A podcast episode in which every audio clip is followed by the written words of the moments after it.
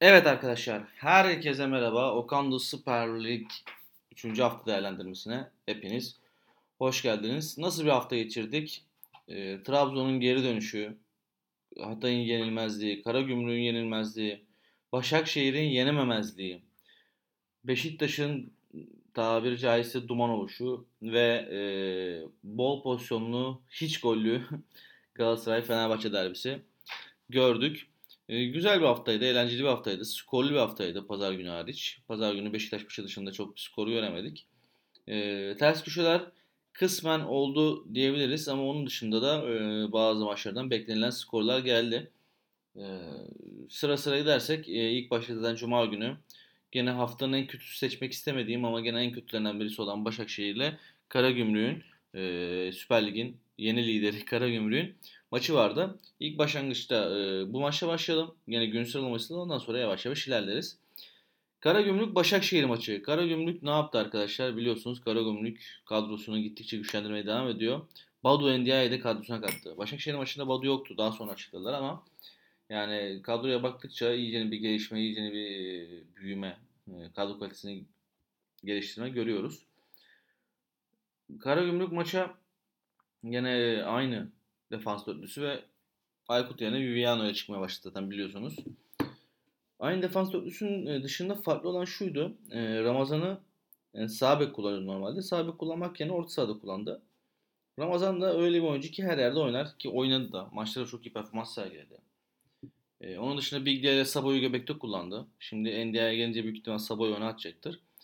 Endo ve Darre Sobiak yerine de Mevlüt'ü kullanmayı tercih etti. E, Sobiak'in ya sakatlığı ya da cezası vardı. Tam bir hakimiyetim yok o konuda. Kullandı. Gene aynı kadrosu. Kısmi yani değişen bir isim yok. Çok. E, takviyeler daha işlememiş takıma. Bir tane daha transfer yaptılar çünkü o da takıma katılmadı.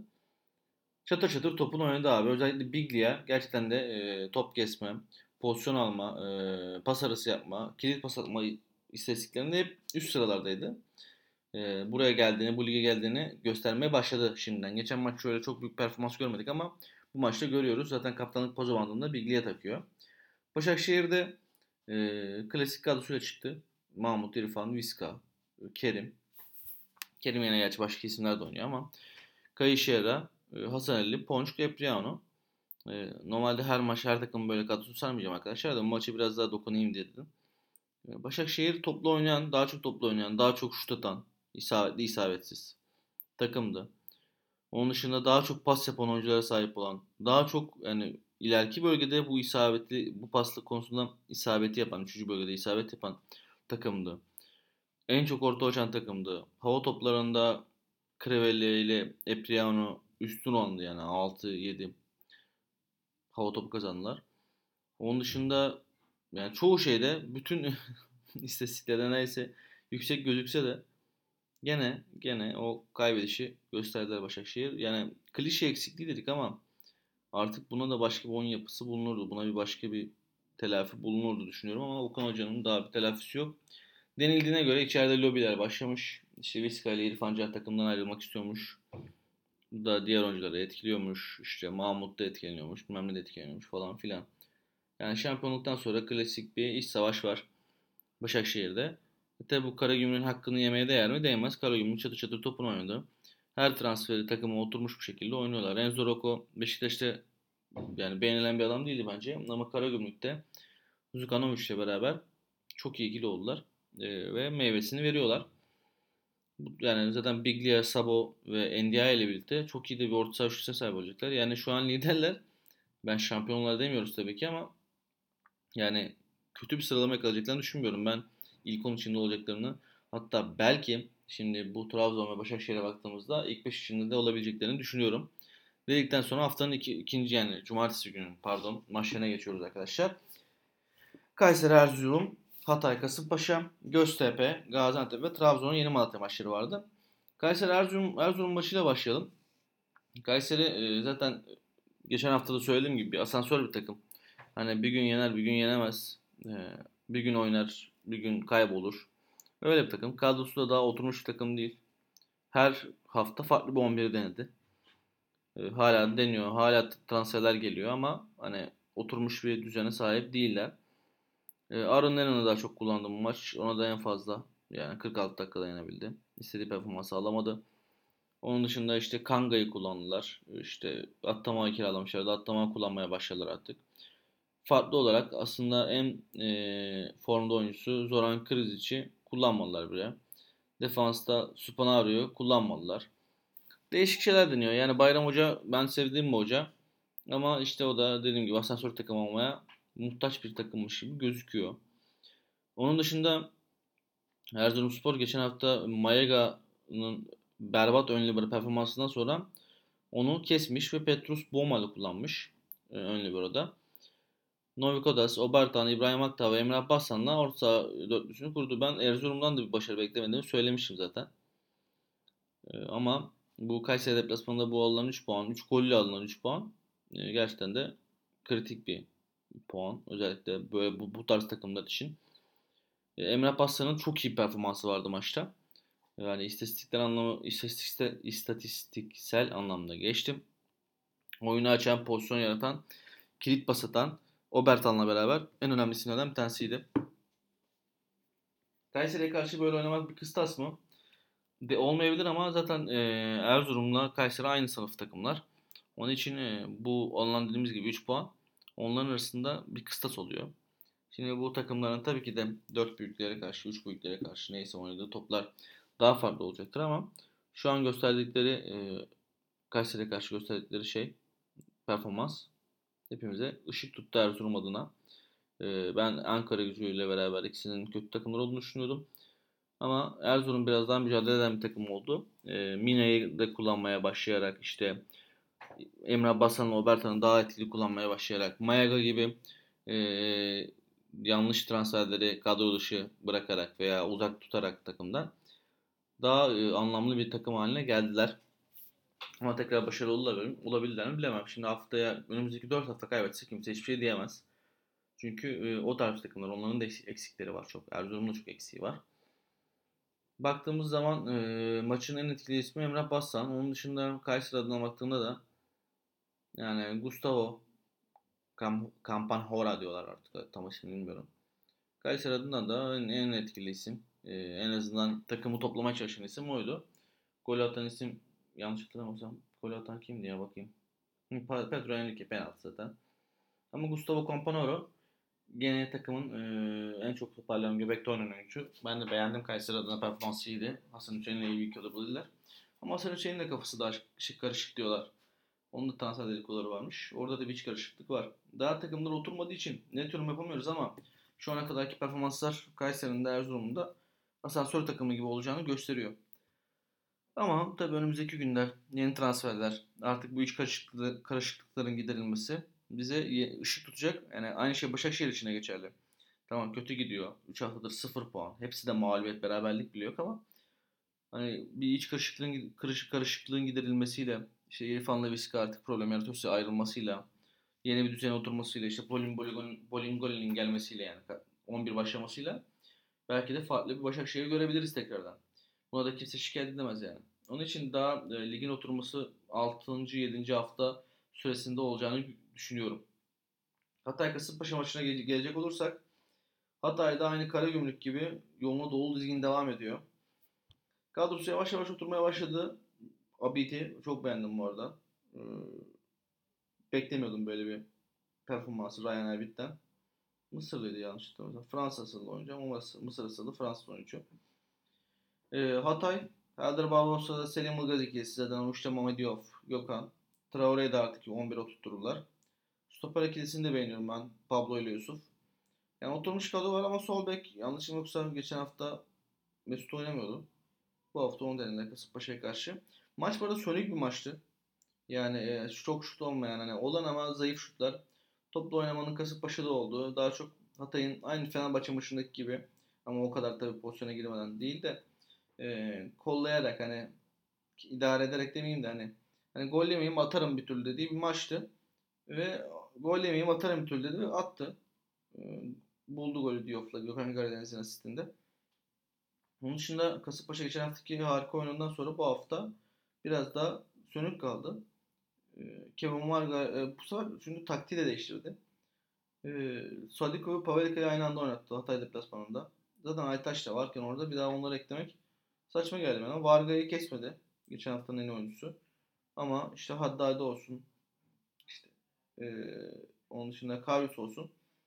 E, biraz uzak kaldılar pozisyonla buluşamadılar. Çünkü ortada yaratıcı bir isim yoktu.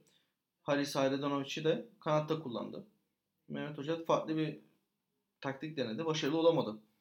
Bu hafta farklı taktik deneyen tek hoca Mehmet Hoca değil ama e, yani Mehmet Hoca'nınki tutmadı. Alanya'da çünkü farklı taktik denemişti. O maça da gelince konuşacağız.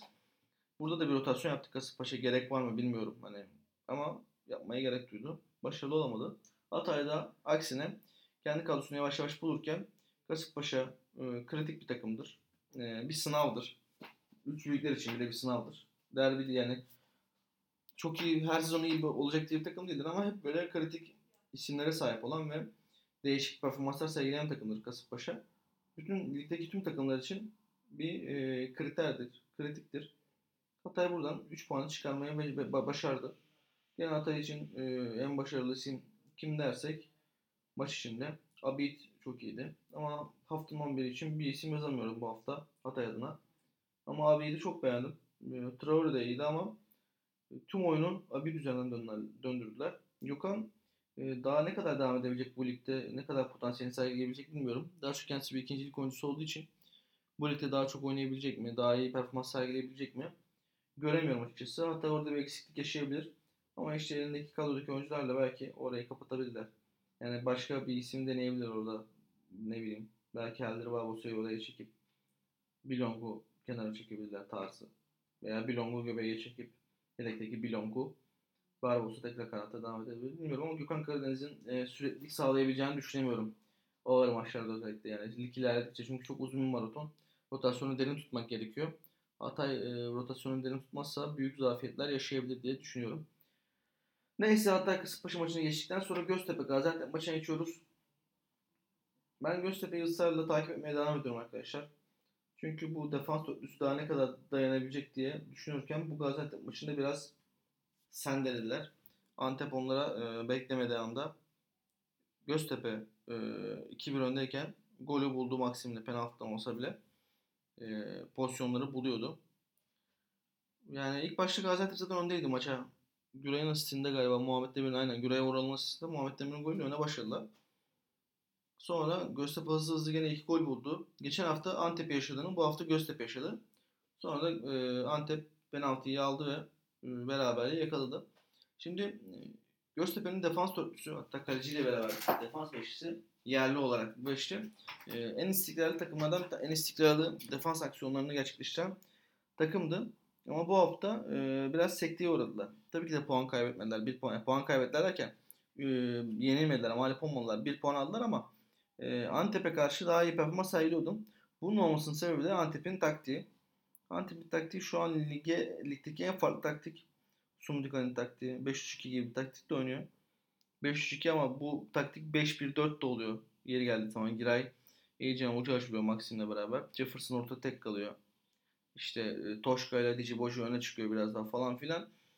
E, farklı bir taktik onun için Göztepe'nin defansının e, çok iyi bir reaksiyon verememesi normal. Onun dışında iddiaya sonunda golle buluştu Göztepe adına forvet oyuncusu. E, Zlatko, Trepic, Halil, Mosoro normal performans sergiledi. Yani Göztepe'de öne çıkan bir isim yoktu bu hafta. Antep, Antep'te de öne çıkan bir isim yoktu bu hafta. Ee, yani tekrar bir isim sayabilsen Antep'ten kim sayarsın? Belki Olkowski iyi bir performans sergiledi. Sabit oyuncusu.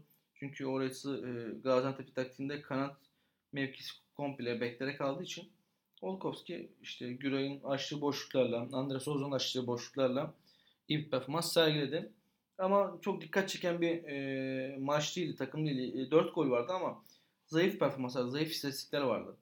Yani yaklaşık XG oranı yani yanlış hatırlamıyorsam Rosie raporta bak Rosie raporta baktığımda 1.5 gibi bir orandı. Düşük bir orandı. Hmm, yani zevksiz, gollü ve zevksiz maçlar olur ya öyle bir maçtı. Bu maçtan ne çıkartabiliriz? Ee, Göztepe'nin gene kadrosunu koruyarak, gene puanını alarak yoluna devam etti. Takviye ihtiyacı var mı? Bence var. Yani bu kadronun rotasyon yapması gerekiyor. Çünkü dediğimiz gibi lig uzun maraton. İşte Gassama'yı, Ndiaye'yi, Hakan Çinemre'yi, ne bileyim Mihojevic'i, Titi'yi daha çok kullanması gerekiyor. Hücum konusunda da takviyeler yapması gerekiyor. Çünkü Tripic sıkıştığı zaman Mossoro da Halil ile Soner de çok yaratamıyor gibi geliyor bana yani. Ee, Göztepe'nin biraz takviye ihtiyacı var hücum anlamında özellikle. Antep için ise Antep kadrosunu kurdu. Rotasyonu da var. Ee, buraya ne yapılır diye sorarsanız yani çok bir yorum yok benim açımdan. Yani taktiğini iyice oturtması lazım ve oyuncuların ona alışması lazım. Antep orta sınıf bir takım. E, lige tutunabilir. Hala 3 puanla tanışamadılar. E, belki önümüzdeki hafta kimle oynuyorlar gerçi bilmiyorum ama bir bakabiliriz. Trabzon'la oynuyor. Önümüzdeki hafta tanışamıyorlar büyük ihtimal çünkü Trabzon açıldı. Bilmiyorum Antep için çok yorum yapamayacağım. Arkadaşlar hep bana diyor abi Antep'e de konuşuyor da Antep'in defansı ne kadar başarılı olursa olsun yani o göbekte sadece Jefferson'ı bırakmak yani büyük takım reaksiyonu bile değil yani. Belki bu taktiği değiştirmesi gerekiyor Antep'in, Sumdika'nın 3 puan alabilmesi için. Neyse Trabzon yeni Malatya maçına geçelim arkadaşlar. Trabzon sonunda açıldı. Sonunda e, kanalları açtı. Ve doğru kadrosu bu mu desek kız yani şu an eksikler dönünce e, Hüseyin'le e, Kamp oynar büyük ihtimal. Serkan yerine de orada e, Pereira oynar. Ama göbek de üçlüsü Lewis Baker, Flavio, Abdülkadir Parmak olduğunu ben düşünüyorum. Envakame, Abdülkadir Ömür ve Afobe. Trabzon Afobe'nin 2 golüyle, yeni forvetinin 2 golüyle 3 puanı aldı. Bir golde Envakame çok güzel bir gol attı. Yani baktığımız zaman Trabzon için e, güzel haber bu. Çünkü e, ilk iki haftadan sonra geçen sene şampiyonluk oynayan takımın kan kayıplarının bir türlü telafi edilmediğini gördükten sonra Malatya sınavı başarıyla geçtiler.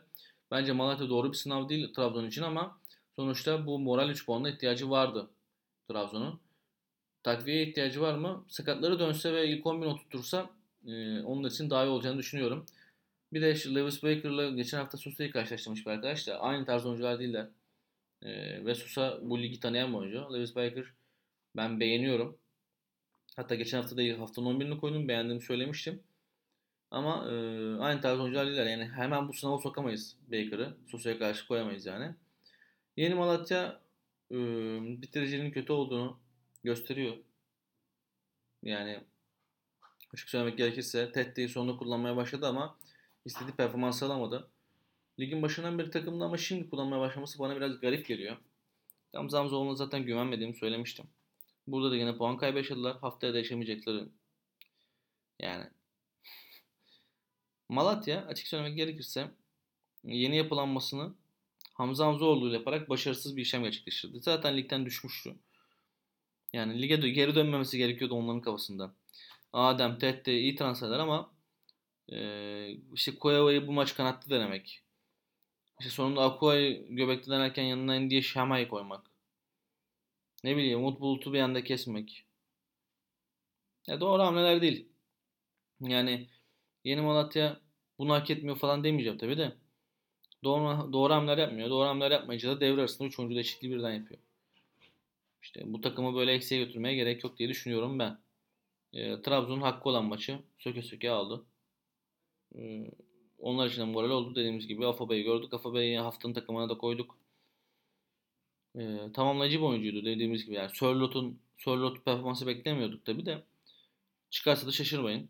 Afabey'in daha büyük özelliği büyük ihtimal işte yanındaki oyuncuları Envakame'yi, Abdülkadir, Abdülkadir Ömür'ü e, beslemek olacak. Öyle gözüküyor. Trabzon'a çok büyük yararı dokunacaktır. Pazar gününe geçecek olursak eğer olaylı gün. Rize Alanya maçıyla başladık. Rize Alanya maçı geçen hafta Alanya yani demiştik 3'te 3 yapabilir mi? 3 puan alabilir mi falan filan. Alanya rotasyona gitmeyi tercih etti. Kadrosunun 11'inde bayağı ismi değiştirdi. Stoperi e, dinlendirdi Kalkar'ın. Trzeveles miydi? Tzavales. Tzavales'i değiştirdi. Fatih'i oraya çekti. Bekleri gene oynattı ama orta sahada Fatih Salih ikilisi yerine 4-4-2 oynadı takdiri tamamen değiştirip Ceyhun Siopis Efkan'la orta saha şusu oluşturdu. Efecan'ı da kesti. Bakasetas'ı da kesti. Barreiro'yu da kesti. Davidson'u da kesti. Yani büyük bir rotasyon yaptı. Sadece As 11'inden sadece 4 oyuncuyu pardon tabii 5 oyuncuyu bir tanesini de kendi pozisyonu haricinde oynat, oynatarak Geri kalan komple bir rotasyon yaptı. Buna rağmen Rize deplasmanından bir puanı aldı. Mustafa Pöktem'in harika golüyle. Yani Alanya'yı ben tebrik ediyorum. Çağdaş Atan zaten çok beğendiğim bir hoca değildi. Yani şüphelerim vardı ama burada başarılı olabileceğini gösterdi. Ve yani bir puanı kopardı öne geçmesine rağmen. Rize bütün maç üstün oynayan takımdı Alanya'ya karşı. Çünkü Alanya'nın rotasyonuyla beraber dediğimiz gibi ne yapacağını bilemiyorsun. Çünkü oyuncular birbirine alışık bile değil. Selim Meria ikilisi çok iyiydi Rize adına. Ee, Bayyano oynattı, Abdullah oynattı. Doğan'ı oynattı. Onu çıkaramadım. Biraz da farklı taktik denedi Stephen Thomas. Loic Remy de, Loic Remy'e de 11'de şans verdi. Golü buldum. Golü olduktan sonra Skoda'yı da alınca oyuna... Eh sesim gitti. Skoda'yı da alınca oyuna Skoda ile Remy ikilisi uyumlu oldu. Yani çift forvet oynayabilecek bir takım Rize aslında baktığınız zaman. Ee, ama ger- gerçi e, o oyunu oynatacak, çift forvet oynatacak bir orta saha ikilisine sahip değil. Yani şimdi Abdullah oynatsan, yani Bayyano ile Abdullah yapsan biraz daha yavaş bir takım kalacak falan filan. Yani Stephen Thomas'ın iyi kurgulaması lazım. Ama şu ana kadar hala istediği 3 puan alamadı. 1 puanlara yetendi. Geçen hafta da yanlış, yanlışım yoksa Kasımpaşa'yı denemişti size. Hmm, Şu an sadece 1 puanla sahip Rize. Ben daha iyi bir performans bekliyorum. Rize'den pis bir takım olacağını düşünüyorum. Kadrosunu oyunu oturturursa. Alanya'ya tekrar dönecek olursak eğer e, bu rotasyona rağmen bu bir puan almak hafta içi Avrupa Kupası oynadıktan sonra çok iyi bir başarı. E, önümüzdeki hafta zaten tekrar Davidson'la, Salih'le, Fatih'le devam edecekler ve Hatay'la oynuyorlar. Çok zevkli bir maç olabilir bu. Ayın 4'ü saat 4'te. Neyse bu maça bakacağım. Yani çok zevkli bir maç olabilir Alanya Hatay maçı. E, çünkü tam kadro çıkarsa iki takımda büyük mücadele görebiliriz. Dedikten sonra Sivas Ankara gücü maçına dönüyorum hemen. Seri seri çünkü daha önemli maçlar gelmeden 20 dakikayı doldurmuşuz bir de. Sivas Ankara gücü maçı 0-0-0-0 en sevmediğim skor. Derbi olmadığı sürece diye not düşeyim de konuşmaya başlayacağız çünkü. Ben e, açık söylemek gerekirse Sivas'ın Ankara gücünü ezeceğini düşünüyordum ama 14 şut çekip 8'i isabetsiz olması. 3'ünün isabetli ama yani boş isabet olması gerçekten üzdü. Ee, Sivas kadrosunu çok değiştirmedi. Gradel'i biraz daha göbekte oynatmayı denedi. Yani göbekte oynamayı denedi. Onun dışında Ankara gücüne baktığımız zaman da onlar da işte Alper Potu yeni transferini kadroda denedi. Çok başarı sağlayamadı Alper. Bir de büyük ihtimal uzun zamandır an- antrenman yapmıyordu. 60 kilo oyundan aldı Alper'i. Sabah'ı koydu oyuna. Ankara gücü benim ligdeki düşme adayım. Yani Alper Potuk transferi falan olacak da değil bunlar yani. Takviye ihtiyaçları var da bu takviye o takviye değil. Fuat Hoca Alper'e 2011'deki gibi Eskişehir'deki gibi e, forvet arkası oynatıp şey yapacağını düşünüyor. E, müthiş performans sergileyeceğini düşünüyor. Sivas 0-0 gerçekten beklediğim bir skor değildi. Çok yavan bir maçtı. Bu iki takım adına da söyleyecek bir şeyim yok bu hafta için. Önümüzdeki haftaya baktığımızda Ankara gücü Rize ile oynuyor. Rize'nin ilk puan alacağı maç olabilir bu. Sivas'ta Kayseri deplasmanına gidiyor. Kayseri'de bu hafta kaybettiği Erzurum'a karşı kaybettiği 3 puandan sonra Sivas'ı zorlayabilir arkadaşlar yani. Bu maçları e, hani çok dikkat çeken maçlar değil de bu hafta bu takımların yaşadığı 0-0'lık skor Sivas Ankara gücünün yaşadığı 0-0'lık skor kendilerini önümüzdeki hafta ateşe attırdı öyle söyleyelim. E, Gradel olsun Sivas adına işte Ninga olsun Yasin olsun Yine hücum aksiyonunu gösteriyor ama Ankara gücüne karşı da bir şey yaratamıyorsan zayıf kalıyorsun. Yani geçen haftaki oyuna bakıyorsun. Haftanın oyuncusu Gradel'di. Bu hafta bakıyorsun istikrar yok. İşte bu Anadolu takımının kaybetmesinin sebebi bu yani. İstikrar olmaması. Tamam sen çok kan kaybı Sivas adına. En önemli oyuncularını kaybettin ama yaptığı transferlerin de bunları biraz daha koruması lazım diye düşünüyorum. Neyse. Sivas Ankara gücü maçından sonra Konya Beşiktaş maçına gelelim. Konya Beşiktaş'ı duman etti. Yani Konya'yı sadece Konya'yı izleyin. Hızı bir buçuğa çıkarın. Bir buçuk x yapın YouTube'da. Beşiktaş'ı izleyin. Hızı eksi bir buçuk x yapın. Yani maç öyleydi. Birisi yani Konya Beşiktaş'tan 3 kat daha hızlıydı. Beşiktaş hiçbir reaksiyon veremedi. Çıktı kadroyu da ben anlamadım Beşiktaş'ın. İşte Atakan'ı ileride kullandı. Ya güveni kullandı ileride. Hüseyin Atakan'ı denedi. İşte tamam hani Lensikes'in falan da yok. Başka alternatif yok mu yani bu takımda? Gerekirse Hasic oynat yani. Ebu Bakar'ı direkt koy kadroya. Sanki tanımıyor takım yani. Bu takım oyuncusu Ebu Bakar. Yani Sergen Hoca'yı beğeniyorum ama yani ben Konya'yı mesela beğenmediğim bir takımda bu maç içinden geçti Beşiktaş'ın yani. Hiç topu durdurmadan oynadı. Hiç Konya tarzı bir oyun değildi. Onu yani daha şey oyundan Çikalaş'ın çıkması Kravets'in girmesi takımı daha da hızlandırdı. Hatta bence bundan sonra İsmail Hoca öyle deneyecektir. Kravets'i deneyecektir 11'de. E, hem Şengeli hem Kravets'i haftanın 11'ine koydum. Çünkü ikisi de hani goller dışında çok iyi oynadılar. E zaten Yevtovic ile Amir Hazret Ahmetovic'i beğendiğimi söylemiştim. Milosevic'i de önlerine koymuş. Yani eğer Konya, İsmail Kartal açık açık söylüyorum hala beğenmiyorum. Yani bu maç kıstas değil ama bu oyunu e, önümüzdeki haftaları da yayarsa eski o başarılı olan Konya var ya hani hepimizin e, kısmen beğendiği hani kısmen beğendi derken hani beraberliğe yatsa bile az skora yatsa bile galibiyeti alan istiklal takım var ya onu sağlayabilir yani İsmail Hoca. Yani bu maçlar derbi maçlarında Beşiktaş maçı Beşiktaş'a karşı, Fener'e karşı, Galatasaray'a karşı böyle oyunlarda o çok yükselmemek lazım ama açık söylemek gerekirse e, çok iyi oyundu yani. Yani 3 kat hızlı oynadı Beşiktaş'tan. Yani Vida'da mı sorun var? Kimisi diyor ki Vida satacak gitmek istiyor falan. İşte zaten Necip'le sabit oynamak bir hata. Yani şu, şu zamana kadar transferlerini tamamlaması lazımdı Beşiktaş. Böyle eksiklikler yaşayacak, yaşayacağına. Gökhan Töre'yi kazandı. Ben başlayacaktım Gök. Hüseyin Atakan'la başlayacağına Gökhan Töre ile başlayacaktım maçı yani. Neyse Beşiktaş haftaya e, yanlışım yoksa Gençler Birliği oynuyor. Bu hafta Gençler Birliği bay geçti. Önümüzdeki hafta acısını çıkarmaya çalışacaktır. Benim de 100 liramı yedi bu arada Beşiktaş. şaka yapıyorum. Bayı şaka yapmıyorum doğru da. E, önemli değil. Daha iyi performans beklerdim Beşiktaş'tan açık söylemek gerekirse. Ben 2-3 takviyeyle zirveye oynayacak bir takım olarak görüyordum Beşiktaş'ı ama dünkü performans yani Konya'ya karşı performansı beni bu konuda geriye attı düşünce anlamında. Neyse Beşiktaş maçını geçelim. İlk önce bir pazartesi günkü Antalya Denizli maçına değinelim. Sonra derbiye gelelim. Antalya Denizli maçını izledim zaten pazartesi günü yapılabilecek tek aktivite bu oluyor arkadaşlar biliyorsunuz. Veysel'in golüyle Antalya kazandı. Antalya kadrosunu koruyor abi. Ee, kendi oyununu oynuyor. Dediğim gibi e, ilk haftadan beri dediğim gibi ligde beğendiğim e, Anadolu takımlarında iki takım var. Birisi Antalya, birisi Alanya. Geri kalan takımların hala kumar olduğunu düşünüyorum. Ama Antalya, Alanya ne yaparsa yapsın doğru e, verimi alıyorlar. Büyük takımlara karşı da doğru top oynayacaklarını düşünüyorum. Ki Beşiktaş'a karşı Antalya oynadı. Bir birlik skor aldı. Ki bir sürü muhabbet olmasına rağmen. dikkat çeken bir isim var mı Antalya adına? Aslında çok yani böyle o şu oyuncu müthiş diyebileceğiniz bir isim yok ama işte oyuna sonradan giren ne bileyim Podolski olsun, Nevgor şey Or Origil olsun. Takım artık oturdu ya. Antalya oturmuş Tamer Hocam. Ya ben zaten geçen hafta da söylemiştim. Ee, Antalya'da yaşayacakları tek problem şu olur. İşte Podolski tarzı oyuncular. işte ne bileyim Freddy veya Nuri'nin çetesi dediğimiz şeyler içeride daha sonradan problem yaratabilirler. Yani işte bir iş çalışma olursa bu takımın dengeleri bozulur. Onun dışında bir denge bozukluğu yaşayacağını düşünmüyorum. Her takıma da bela açacağını düşünüyorum Antalya'nın. Denizli'den de 3 puan almış. Denizli tekrar e, farklı bir taktik deniyorlar. E, Gaziantep bir taktiğini oynamaya çalıştılar. İşte Oğuz, Fabiano, Mustafa ile çıktı göbekte. İşte Zakari'yi de oynattı. Thiago'yu oynattı.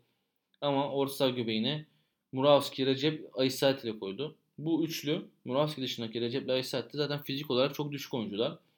Önüne de koyduğun Odega ile Sagal. Sagal'ı çok beğensen bile. Beğensen derken potansiyeli olduğunu düşünsen bile. Yani bunlar savunma yapan oyunculardan değiller. Yani 5'li defans hattını sürekli e, Antalya'ya karşı hücum hattı, Antalya hücum hattına karşı karşıya bıraktılar. Zaten istatistiklere de baktığımız zaman neredeyse iki katı e, Antalya Denizli'nin istatistikler anında. Yani hak eden puan almış. E, Prosneşki'nin yani Prostinski'nin denediği taktik doğru taktik değil. Yani eğer bu taktik kurulacaksa bu orta saha üçlüsüyle kurulmaz. Daha başka alternatiflerle, alternatiflerle kurulabilir. Eğer bu taktik oynayacaksan transfer de yapman gerekebilir diyorum. Ee, bu arada Pantilmon'u 1-0 yense bile Deniz'in kalesini gerçekten çok beğeniyorum. Ligin kalesi olabilir bu sene. Bu dipnotaya geçtikten sonra haftanın derbisine son kez değineyim. Zaten derbi özel programı yapmıştım. Yani derbiden önce. Onun dışında kısa bir özet geçeceğim sadece Galatasaray Fenerbahçe maçı adına. Ee, doğru taktiği oynayan Fenerbahçe'ydi. e, aynı verimliliği sağlamayan bir Galatasaray vardı ilk iki haftaya göre. Ve 0-0 bitti maç. Eğer zaten iki takım da doğru taktiği oynasaydı gene Galatasaray galip gelebilirdi. Çünkü e, şu ana kadar daha oturmuş bir kadrosu var. E, daha ne yapacağını bilen bir hocası var. Ona rağmen doğru taktiği uygulayamadı. Arda Feguli, Belanda, Falcao yaratamadı. Kayboldular. Galatasaray'dan da maçın e, en iyisi Tayland'ı ve Luyendama'ydı. Tayland zaten e, Galatasaray'ın belki de 2-3 olan net pozisyonu içinde olan kişiydi. Dediğimiz gibi Fenerbahçe doğru taktiği uyguladı. Bence doğru stoper ikisini de bulmuş Fenerbahçe. Tisserand dilemmasından da konuşuyorum. Ve yani genel olarak baktığımda Fenerbahçe'nin işte bu kanat organizasyonları sığmaması hem Pusa'yı hem Ozan'ı kullanarak hem e, topla beraber hem de pasla beraber ortadan açılmanın yolunu bulmuş Erol Bulut. Güzel bir maçtı aslında. Yani golsüz bir maçtı ama güzel bir maçtı. Pozisyonları vardı. Git geldi bir maçtı. Hakem bence çok iyi değildi. Ee, ben Galatasaray'da herhalde kaç kişi? 7 kişi sarı kart görmüş. Fenerbahçe'de de 4. Çoğu pozisyonu okuyamadı bence. Ama hani maça böyle çok kritik müdahale bulundu mu bulunmadı. Gayet iyi yönetti. Onun dışında. Bu maç hakkında uzun uzun konuşmak hani her gün konuştuk zaten. Ee, dediğim gibi e, bence Galatasaray doğru oyun oynamadı. İleri ucumu e, doğru şeyleri yaratamadı. Hatta hiç yaratamadı. Fenerbahçe doğru oyun oynadı. Zaten ileri ucu yaratamadığı için gol bulamadı. Çok kritik pozisyonlarda da e, doğru pasları veremedi diye düşünüyorum. Bu haftanın MVP'sine gelecek, bu haftanın en iyi takımına gelecek olursak ben Karagümrük'ü seçiyorum tekrardan bu haftanın MVP'si. MVP takımı olarak. Pardon Konya'yı seçiyorum yani. Ne Karagümrük kusura bakmayın arkadaşlar. Konya'yı seçiyorum bu haftanın MVP takımı olarak. En kötü takım olarak da Beşiktaş'ı seçiyorum. Ve e, yeni oyuncularının MVP oyuncusunu açıklıyorum arkadaşlar. Artan Kravets. Konya Spor'da bu hafta 2 gol atan oyuncumuz. E, MVP demeyelim ama hani gelişme gösteren oyuncu da Trabzonspor'dan Benik Afobe oldu. E, 11 oluşturdum. Twitter'da paylaştığımda 11'de sizlerle paylaşacağım. Okan'la Süper Lig'in 3. bölümünün sonuna geldik. Kendinize iyi bakın. Görüşmek üzere.